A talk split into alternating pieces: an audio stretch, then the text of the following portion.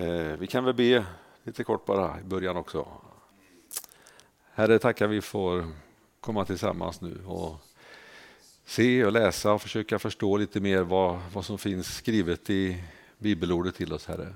Jag tackar dig för att du leder oss genom ditt ord och du vill undervisa oss och du vill att vi ska hämta både inspiration och kunskap och inspiration ifrån ditt ord, Herre. Jag ber Herre att det ska bli levande för oss, Herre. Jag ber att du ska tala både till mig, Herre, och i de hjärtan där ordet får landa nu, Herre. Jag ber att vi tillsammans ska försöka förstå och kunna ta till oss vad du vill ha sagt genom detta, Herre. Gör det uppenbart för oss, Herre. Kom med ditt ljus över allting, Herre. Jag ber om dig, Jesus. Amen. Första Thessalonikerbrevet kapitel 2 fortsätter vi i idag här. Och första kapitlet det var ju väldigt mycket, ja det, är, det är väldigt mycket i alla Paulus brev tycker jag, tacksägelse och uppmuntran och, och sånt där i, i breven där. Och det var, det var bara tio versar i första kapitlet men det finns väldigt mycket att, att hämta i det om man eh, ger sig tid och vänder och vrider på versarna. Och eh, huvudtemat var väl inte det första kapitlet, men det kommer man in i nu i kapitel två egentligen då, så fortsätter det fram. Det är inte så många kapitel, det är fem kapitel totalt. Då. Jag har eh, 2015 års översättning, folkbibeln. Folk, ja, det är inte säkert, det, skiljer, inte, det är inte, allt är inte ändrat, det är vissa ord och, och sånt här. Så att det är inte säkert det är jättemycket. Men det, det är den eh, som jag har valt att titta i. Ja, då är det ännu äldre. Ja. Men eh, Thessaloniki-församlingen det var i alla fall en, vad kan man säga, en missionerande och evangeliserande församling. De hade ju verkligen drabbats av budskapet och evangeliet som Paulus och Silas och Timoteus hade förkunnat för dem. Och eh, satt spår i både Thessalonike och omvärlden och de var ju till och med Eh, ansedda som ett föredöme som Paulus skrev här i, eh, tidigare. Och eh, de följde både lärjungarna eller apostlarna och Jesus då med, med frimodighet och som riktiga föredömen. Vi nämnde även förra gången att i första Thessalonikerbrevet är ett eskatologiskt brev också. Det handlar en hel del om att Jesus kommer tillbaka. Och det nämns 20 gånger ungefär, i, ja exakt det är nog 20 gånger i, i Thessalonikerbrevet. Och i hela Nya Testamentet nämns det väl 300 gånger. Då. Så det finns ändå ganska mycket i det här korta brevet som berör detta. Och första gången de kom i kontakt med det kristna budskapet då i Thessaloniki, det var ju då när Paulus och hans medarbetare kom dit. Men jag tänker vi läser ifrån kapitel 2. Vi börjar med de fyra första verserna. Jag delar upp det så den här gången. Vi tar några versar i taget och så tittar vi på vad det står i det. Vers 1 till och med 4. Ni vet själva bröder att vårt besök hos er inte var förgäves. Tidigare hade vi som ni vet lidit och blivit misshandlade i Filippi. Men genom vår Gud fick vi mod att predika Guds evangelium för er trots hård kamp. Vår predikan kommer inte ur villfarelse, orena motiv eller dolda avsikter. Gud har ansett oss värdiga att anförtros evangeliet och därför talar vi som vi gör. Inte för att behaga människor utan Gud som prövar våra hjärtan. När de kommer till Thessaloniki då, Paulus och medarbetarna där, så kom de ifrån Filippi som vi läser om i Apostlagärningarna. Vi ska titta lite grann på det mer här. Och troligtvis så är det väl en vecka emellan det att man lämnar Filippi tills man kommer till Thessaloniki. Det beror lite grann på om man gick eller åkte med någon vagn eller hur man nu tog sig fram. Då. Det är väl oklart. Men, men cirka en vecka i alla fall. Och sista dygnet i Filippi som vi faktiskt tittar på när vi tittar i Filippibrevet. Om vi kikar i Apostlagärningarna kapitel 16 så tänkte jag vi ska läsa det, för du har med oss ändå en liten känsla av hur de kanske var, i vilket skick de var när de kom till eh, Thessaloniki. Apostlagärningarna 16 och vers 19 till 23. Eller ja, 24 kanske. Och inledningen till den här versen är att eh, Paulus och Silas de hade träffat en slavflicka och vittnat för henne. Hon hade kommit till tro. Då. Och så i vers 19. När hennes herrar såg att deras hopp om inkomst var ute, då grep de Paulus och Silas och släpade med dem till torget inför myndigheterna. De förde fram dem till domarna och sa, de här människorna stör ordningen i vår stad. De är judar och förkunnar seder som vi romare inte får anta eller följa. Även folket gick till angrepp mot dem och domarna slet av dem kläderna och befallde att de skulle piskas. De fick många rapp och kastades i fängelse och fångvaktaren fick befallning att bevaka dem noga. Och när han nu fick en sådan befallning satte han dem i den innersta cellen och låste fast deras fötter i stocken. Och det är utifrån detta sen då, en vecka efter detta ungefär, som de kommer till Thessalonike. Och det är klart, de släpades till torget står det och de fick många rapp och kastades i fängelse. Så jag antar att på den veckan så hann ju inte alla blåmärken och synliga märken försvinna från dem. Utan när de kommer till Thessaloniki så är de fortfarande synligt att de har fått eller blivit misshandlade. Men vad gör de? Jo, de går till synagogan och börjar förkunna och predika budskapet. Och det tittar vi på att då, de var där i tre sabbater eller under tre veckor då och på den tiden så grundade man egentligen församlingen i Thessalonike. Och han skriver det här Paulus, att vi, ni vet själva, alltså ni har själva sett och var med när det här hände då. Att det, det hände saker och vittnesbördet som Paulus förmedlade var starkt och det var med andens kraft och överbevisning som han talade och förkunnade ordet. Och de hade sett det och de hade omvänt sig och var med på den vägen. Och de har säkert kvar det i minnet här i Thessaloniki vad som hade eh, hänt. Och Paulus själv, han har ju aldrig utgett sig för, själv för att vara stark så, utan han har alltid velat vara beroende av Andens kraft och att Anden är med och, och leder och talar. Och jag tänkte vi skulle även titta faktiskt i första Korintierbrevet och ta med ett par versar därifrån som också lite grann visar Paulus övertygelsen? detta. Första Korinthierbrevet, kapitel 2.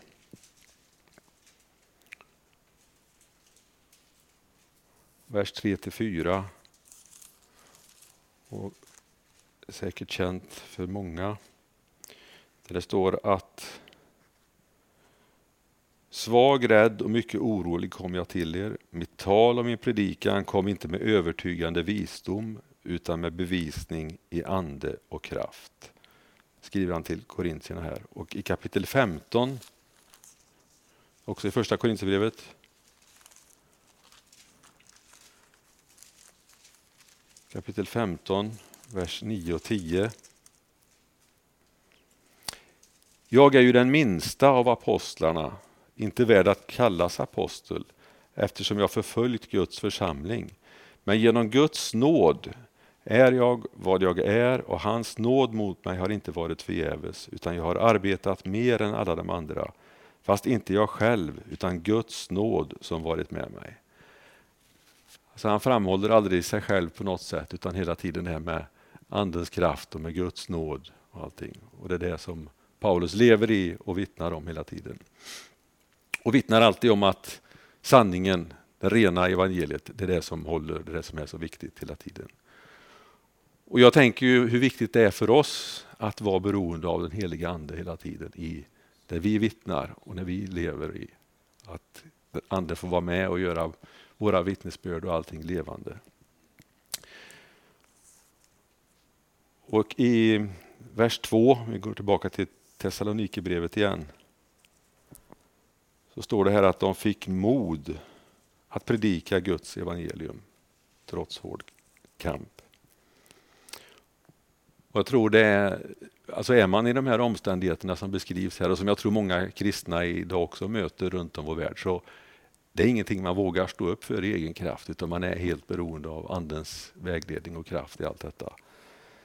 Jag menar här är det hot om misshandel och till och med liksom kanske bli ihjälslagen i princip. Då. Så det, då är det ingenting man går i egen kraft och gör detta. Och går in i de här livsfarliga sammanhangen så att säga.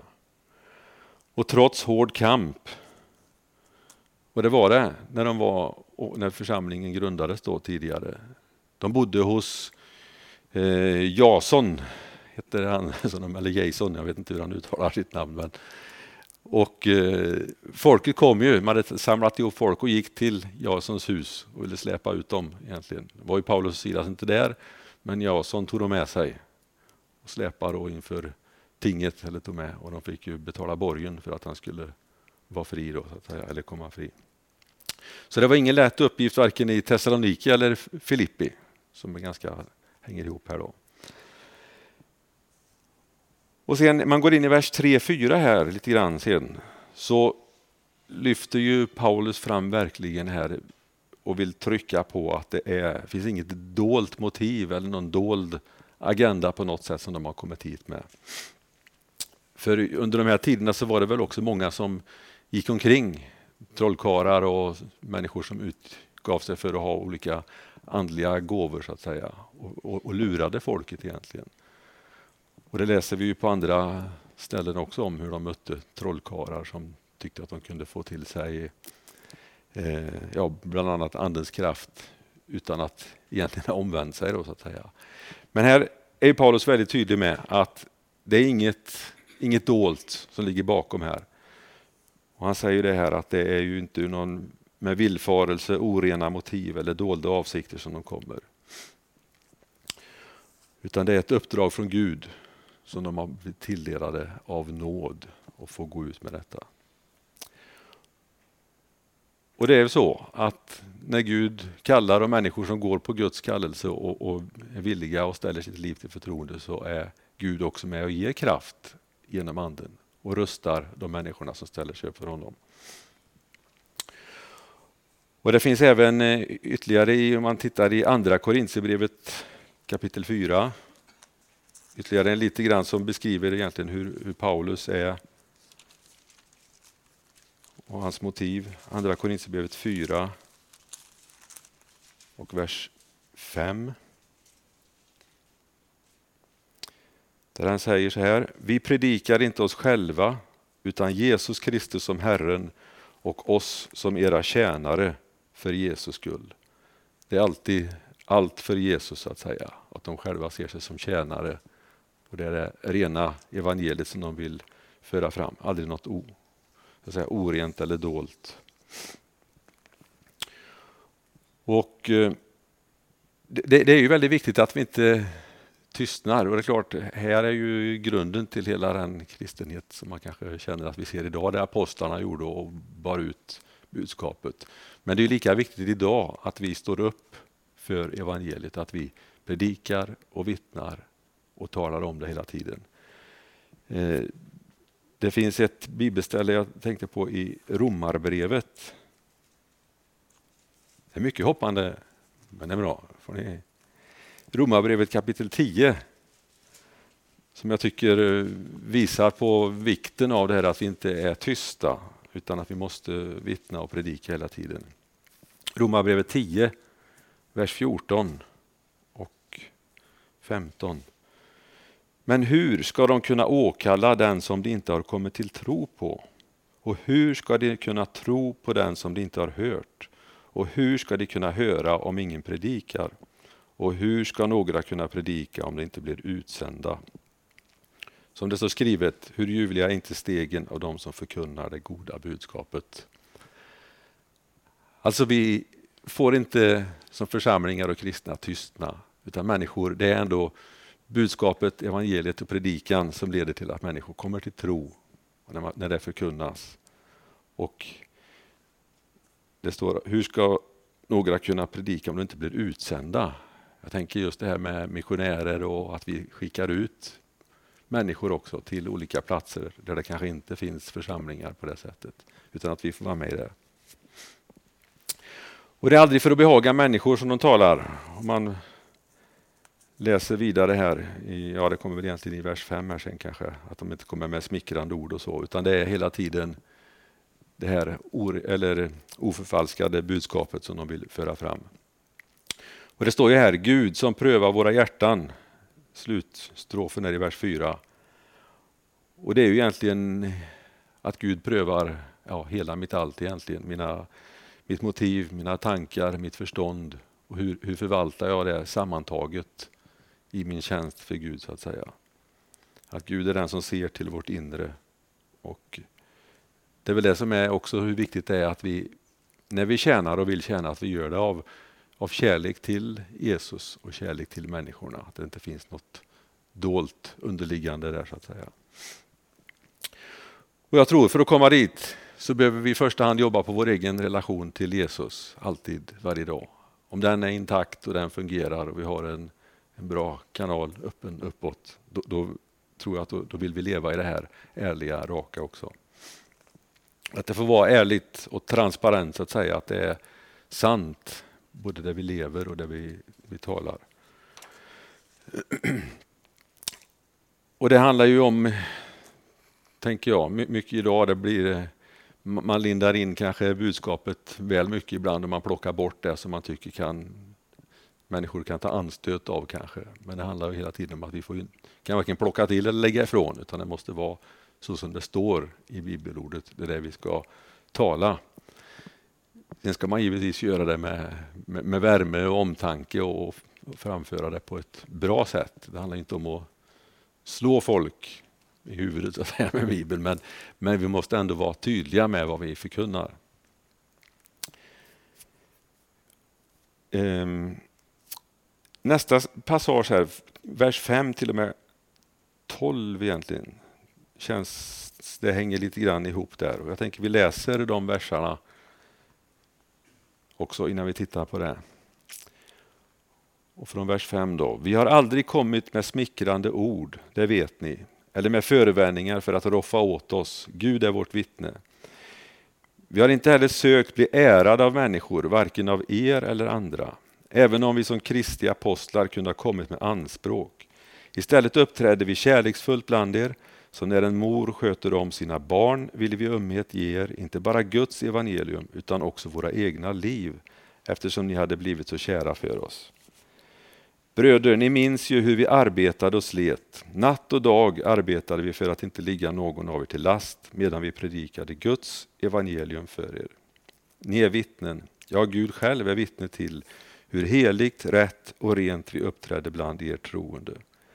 Ni vet också hur vi förmanade och uppmuntrade var och en av er som en far sina barn och vädjade till er att leva ett liv värdigt Gud som kallar er till sitt rike och sin härlighet. Och än en gång så trycker Paulus här på ifrån vers 5 att det är aldrig något, det är inga falska motiv eller någonting som ligger bakom deras besök eller det de talar om. De har aldrig kommit med några smickrande ord eller någonting utan det de talade och förkunnade, det var så de levde också. Och det kommer ju igen i det här stycket egentligen att det är hur viktigt det är att leva som man lär. Och det finns ett ord i sammanhanget där, integritet, som man skulle kunna använda. Jag slog, om man slår upp det på Wikipedia så står det att integritet det är en egenskap som innebär att någonting är väl sammanhängande och motsägelsefritt. Alltså man kan ju tala om hög och låg integritet, då, men de här Paulus och, och hans medhjälpare hade väldigt hög integritet kan man säga, då, att de levde verkligen som de, som de lärde. Och det är ju något som vi behöver ta till oss också som kristna. Att vårt, det vi säger och predikar och vittnar det kan ju inte stå i motsats till hur vi lever sen. Då blir det låg integritet. Det får inte bli tomma ord. Och Det är väl också, tillbaka igen, man, man känner det i, i, allt det här att hur viktigt det är att leva i anden och leva i Jesu närhet hela tiden för att orka och kunna. Det kräver disciplin och överlåtelse. Och det gäller ju inte bara så att säga, ledare i, i församlingar och missionärer och evangelister utan det gäller ju alla människor. Och det är ingenting som, om man tittar på deras liv här, så är det ju ingenting som händer av en slump så att säga. Utan det är ju en eh, disciplin och ett överlåtet liv som krävs för detta. Det eh, finns några bibelställen i Lukas, tänker jag, som också visar eh, just vikten av det här hur, hur vi lever. Lukas kapitel 9 kan vi titta i bland annat. Vers 23 och 24. Och det är Jesus här som säger att om någon vill följa mig ska han förneka sig själv och varje dag ta sitt kors och följa mig. Och den som vill rädda sitt liv ska mista det, men den som mister sitt liv för min skull, han ska rädda det. Och ja, varje dag att ta sitt kors och leva i det man har lämnat sitt liv till och den överlåtenheten. Och tittar vi Lukas 14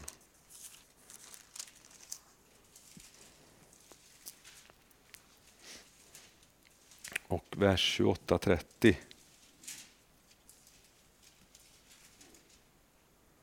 Så står det så här. Om någon av er vill bygga ett torn sätter han sig inte först ner och beräknar kostnaden och ser om man kan fullfölja bygget. Annars, om han har lagt grunden men inte lyckats bygga färdigt, kan alla som ser det börja håna honom och säga den mannen började bygga men lyckades inte bli färdig. Alltså att när vi går in och åtar oss någonting, och det egentligen det handlar här om det, det kristna livet också, att vi beräknar kostnaden och att man lämnar allt och är villig att överlåta sig helt och hållet. För gör man det halvdant eller står med ena foten i världen och andra i församlingen kanske så blir risken här att människor börjar håna oss istället eller tala liksom om att de lever inte som de lär.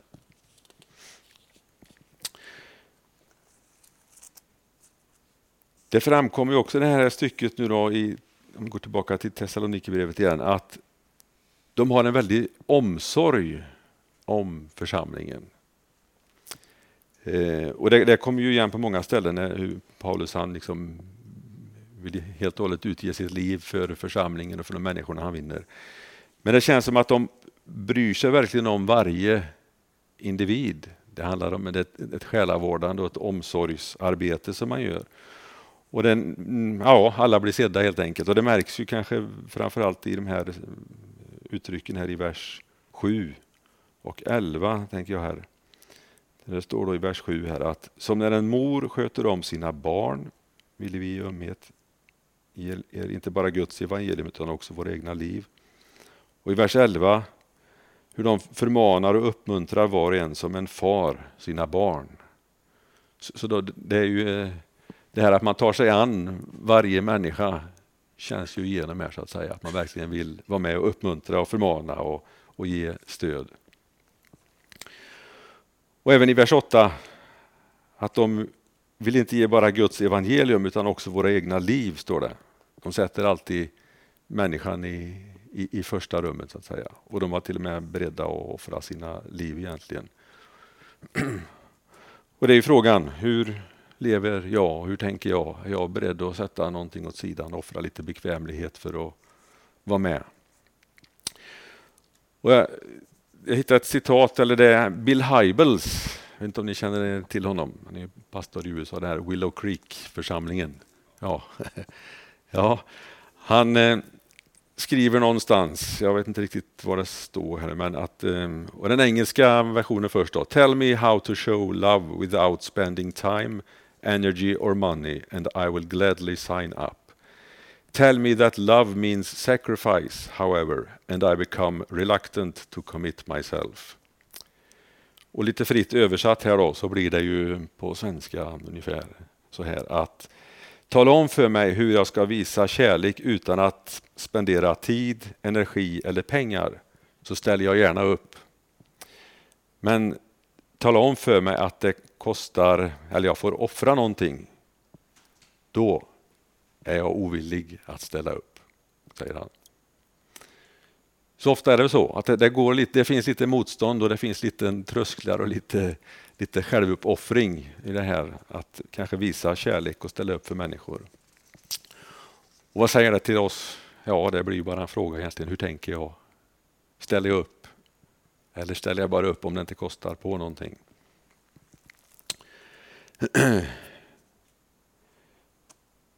Paulus säger i vers 9 sen att han arbetade och slet, står det. Natt och dag arbetade vi för att inte ligga någon till last. Och Man kan väl säga att han hade ett heltidsjobb med, med råge för att eh, här, så, vad man kan förstå, så jobbar han väl som tältmakare också. Så han både predikade och evangeliserade och jobbade för att han inte ville ligga någon till last. I Filipperbrevet står det att han fick underhåll eller gåvor. Så på något sätt fick han väl visst stöd därifrån, men han ville ändå hela tiden göra rätt för sig själv. Och i Apostlagärningarna så står det till och med, jag behöver inte slå upp det här nu, men att, att vid något tillfälle så hade han, jobbade han också och försörjde även sina medarbetare. Står det i Apostlagärningarna 20 och 34. Så hela tiden det här eh, osjälviska och liksom sätter alla hela tiden i första rummet. Man kan väl säga att han hade den här höga integriteten, att han levde verkligen som han lärde eller förkunnade.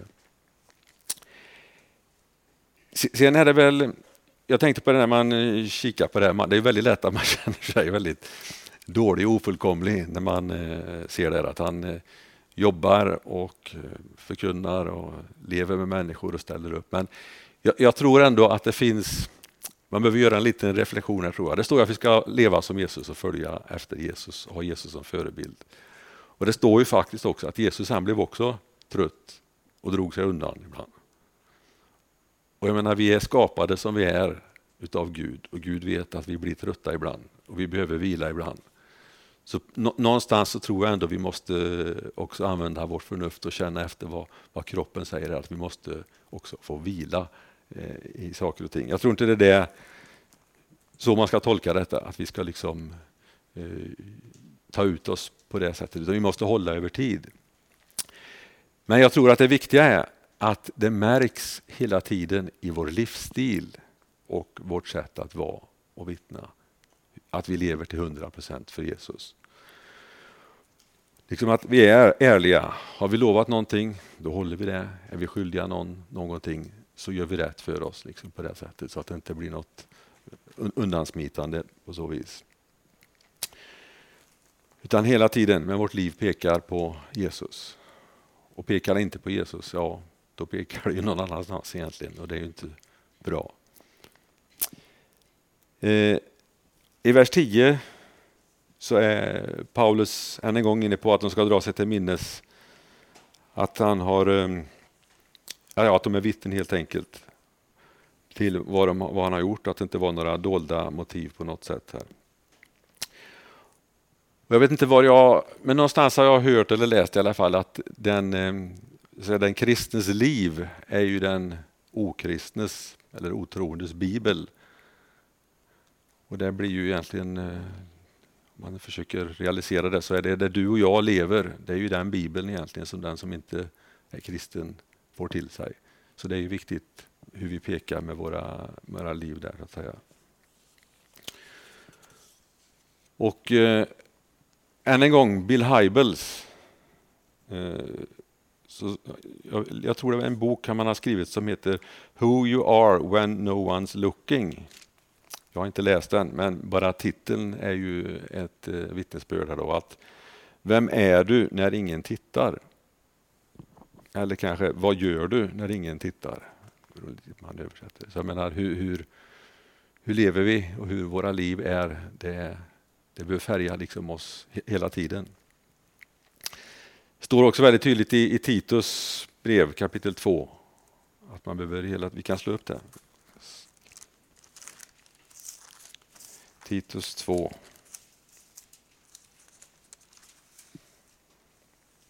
Vers 11-12. Guds nåd har uppenbarats till frälsning för alla människor. Den fostrar oss att säga nej till ogudaktighet och världsliga begär och istället leva anständigt, rättfärdigt och gudfruktigt i den tid som nu är. Fortsätter man här så är det väldigt bra i vers 13 också. Då. Medan vi väntar på det saliga hoppet att vår store Gud och frälsare Jesus Kristus ska träda fram i härlighet. Och att det är väl det som bör genomsyra oss, att den nåd vi har fått ta emot till frälsning, att den också märks i oss och får fostra vårt sätt att leva. Sen vädjar ju Paulus vidare här då till Thessalonikerna att, att leva ett liv värdigt Gud. Som har kallat dem till sitt rike och sin härlighet. Och kallade till Guds rike. Jag tänker att där, där Jesus får vara med och där han lever i oss, då, då, då pekar det verkligen på Guds rike och att det är det som sker i oss. Att säga. Det är på det viset som det märks. Och vi kallar det att få vara del i det här riket som ett heligt prästerskap. Står bland annat i första Petrus brev. Och i Lukas 17 så står det just där att Guds rike inom oss, att säga, att det blir ju med våra liv och allting det här hela tiden som vi visar och att det får bli ett liv värdigt Gud som han börjar vers 12 med här då.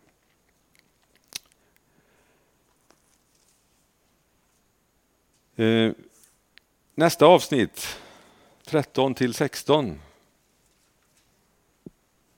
Tänkte jag vi läser också här. Därför tackar vi alltid Gud för att ni tog emot Guds ord som vi predikade och tog det till er, inte som människors ord utan så som det verkligen är, Guds ord som är verksamt i er som tror. Ni bröder har ju blivit efterföljare till Guds församlingar i Judeen som lever i Kristus Jesus. Ni har fått utstå samma lidanden från era landsmän som de fått från judarna, som dödade både Jesus och profeterna och nu har de drivit bort oss. De behagar inte Gud och de motarbetar alla människor när de försöker hindra oss från att predika för hedningarna så att dessa blir frälsta. Så fyller de ständigt sina synders mått, men vredesdomen har till slut kommit över dem. Och här kommer Paulus tillbaka igen med full kraft här med, med tacksamhet och, och, glädje. Den kommer tillbaka med, med regelbundet, men en lite förnyad kraft igen. Och lyfter fram tacksamheten över att de har tagit emot ordet och lever som de gör. Och han tackar ju inte människorna för detta egentligen, utan han tackar Gud för att de har tagit emot budskapet här. Därför tackar vi alltid Gud, så att säga. Och att de hade gjort det i, i, i tron. Och att det var inte hans predikokonst eller sätt att predika, utan det var det rena evangeliet, det raka och tydliga budskapet. Det tackar han Gud för och det var det som hade verkat i dem. Och Det står ju också i ja, Romarbrevet, vi behöver inte slå upp det, men i kapitel 1, att det är ändå evangeliet och det budskapet som leder till frälsning. Men att det får vara det budskapet, att vi inte lägger till eller drar ifrån eller skapar något eget, utan det är det rätta. Uh, ja, Galaterbrevet kan vi titta i. Säger Paulus någonting bra också? Vi slår upp det.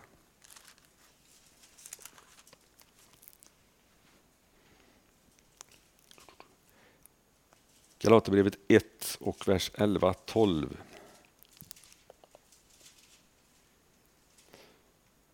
Som ligger i linje med vad han säger här i Thessalonikerbrevet. Att jag vill göra klart för er bröder att evangeliet som jag har predikat inte kommer från människor jag har inte fått det eller lärt mig det av någon människa utan genom en uppenbarelse från Jesus Kristus. Hela tiden att det är Guds ord och det är inte Paulus ord utan han är budbäraren. Och Jag tänker ett par reflektioner kring just eh, de bitarna. Eh, dels att det är baserat på Guds ord i det första då, att det får vara äkta och, och rent. För vi vet ju ändå att det blir att Guds ord är levande och verksamt. Men då får det inte bara bli att man förändrar och gör lite fina så att säga, betraktelser eller lite smått och gott runt det och någonting som säga, anpassas till folk för att det ska höras och klia gott i öronen som vi säger. Utan att det måste vara Guds ord. Det är ju väldigt viktigt då, för det är ändå det som är levande. Och att det hela tiden får vara under bön och vägledning där vi ber att den heliga Ande får verka genom ordet och att det får tas emot på rätt sätt. Och Det andra som är viktigt här, han säger att de tog emot Guds ord, stora. att de tog det till, er, till sig, inte som människors ord utan som det verkligen är. Att den som lyssnar och tar till sig också tänker att det är Guds ord. Att man inte själv då lägger till och drar ifrån och förändrar det utan verkligen vill förstå att det som står och det som sägs det är Guds ord. Och det behöver jag ta till mig utan att förändra det. Annars är ju risken att det blir kraftlöst och att man är ute på väldigt tunn is. Då, så att säga. Och fortsättningsvis, här där vi går in nu, så kan man ju känna att det oavsett om man säger ja eller nej till Guds ord, så när det förkunnas så verkar det i alla fall vara kraftfullt även om man förnekar det. För det, det är ju hela tiden förföljelse och människor som, som vill de kristna illa för att de tar till sig ordet. Så på något vis så skapar det ju någonting i människors liv även om man inte vill böja sig för ordet och, och, och ta det som sant.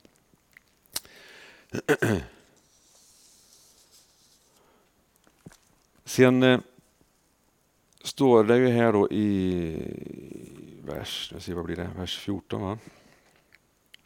Där Paulus då går åt, ja, egentligen väldigt hårt åt judarna som han lyfter fram här. Eh, det står att de har fått utstå samma lidanden som de hade fått från judarna som dödade både Jesus och profeterna och som nu hade drivit bort dem här. Då, så att säga. Och här är han väldigt skarp och hård mot judarna men han är inte på något sätt antisemitisk egentligen eller emot judarna som folk utan det handlar ju om de som förföljer och de som inte vill ta till sig det här budskapet. För i, tittar man i Romarbrevet kapitel 9, jag ska läsa de verserna där, för det, det är väldigt eh, för, för, risken annars när man, om man läser bara ett sånt här ställe utan att se till kanske hela sammanhanget eller förstå vad som Paulus egentligen står för, då kan man få väldigt säga, uppfattningen att han är väldigt emot judarna som sådant. Men tittar vi i Romarbrevet kapitel 9 och läser de första verserna där. Fem första verserna, Romarbrevet 9. Jag talar sanning i Kristus, jag ljuger inte. Mitt samvete betygar i den heliga Ande att jag har stor sorg och ständig vånda i mitt hjärta. Jag skulle önska att jag själv var fördömd och skild för, från Kristus istället för mina bröder, mina landsmän efter köttet. De är israeliter, de har barnaskapet och härligheten, förbunden och lagen, tempelgudstjänsten och löftena. De har fäderna och från dem har Kristus kommit som människa, han som är över allting, Gud välsignad i evighet. Amen. Alltså han har en väldig kärlek till judarna och han kommer ju därifrån själv så att säga. Så det är ju inte emot judarna han är, även om han skriver så som han gör här. Utan det är ju själva handlandet och de som gör detta som han vänder sig emot givetvis. här. Men det visar ju vikten av när man läser detta då, att man läser det i en helhet och tittar på vad står Paulus för egentligen. Annars kan man ju få det till något helt annat. Och Det är klart, det blir ju också viktigt för eh, oss när man vittnar eller talar att man försöker tala med ord och som människor utifrån kanske ha lättare att förstå. Så det inte bara blir vårt interna vokabulär i kyrkorna utan att man får försöka förklara för människor så att de kan ta till sig. Annars är det lätt att man missuppfattar och vänder saker till något helt annat än vad som är. Viktigt att läsa hela Bibeln och viktigt att studera Bibeln och inte bara plocka vissa bitar alltså.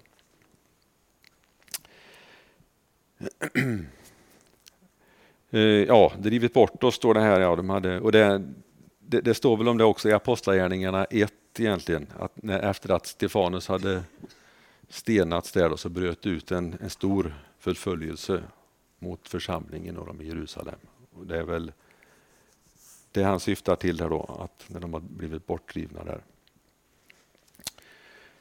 Eh, 16 versen här då, så är han inne på här egentligen. Det finns ju, jag vet inte, bitterhet kanske inte är rätt ord, men och det, det är väl framförallt i alla fall inte att han är emot att de inte får predika i sig, att de inte får synas och höras, utan det som står här det är ju att, att de inte blir frälsta. Man får inte ut budskapet, utan det är människan som man har nöd för och omsorg om.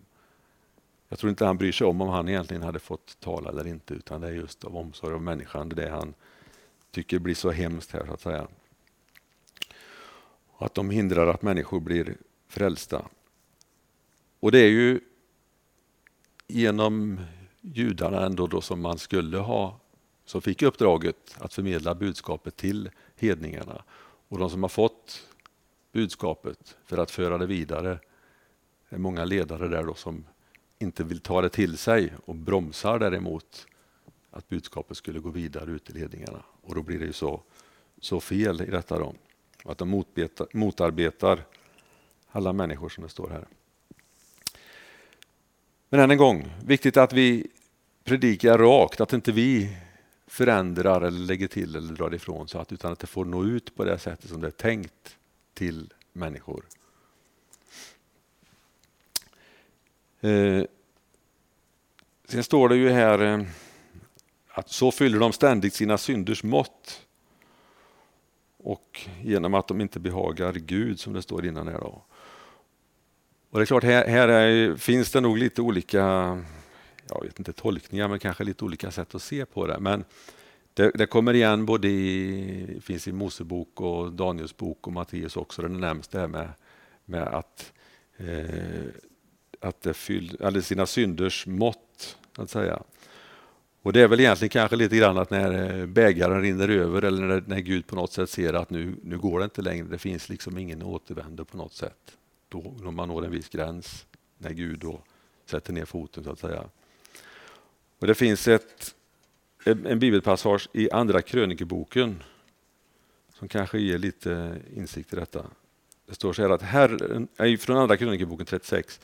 Herren, deras fäders Gud, sände sitt budskap till dem gång på gång genom sina sändebud. För han hade medlidande med sitt folk och sin boning. Men de gjorde narr av Guds sändebud. De föraktade hans ord och hånade hans profeter tills Herrens vrede över hans folk växte så att det inte mer fanns någon bot. Någonstans finns det en eh, gräns så att säga, eller när man har fyllt den kvoten så tycker Gud att det är nog. Och Det kanske var så här att när de Romarna var ju väldigt måna om att det inte skulle vara, att det var ordning och reda och inte uppror och stridigheter och elände. Men de judarna då som förföljde de som hade blivit kristna såg ju till, eller skapade den här oredan egentligen som gjorde att det, det blev värre och värre situation. Eh, de sista verserna här i kapitel 2 tänker jag hänger ihop lite grann med kapitel 3 så jag tänker att vi bryter där. Så från vers 17 där sen så får det hänga ihop med kapitel 3 där.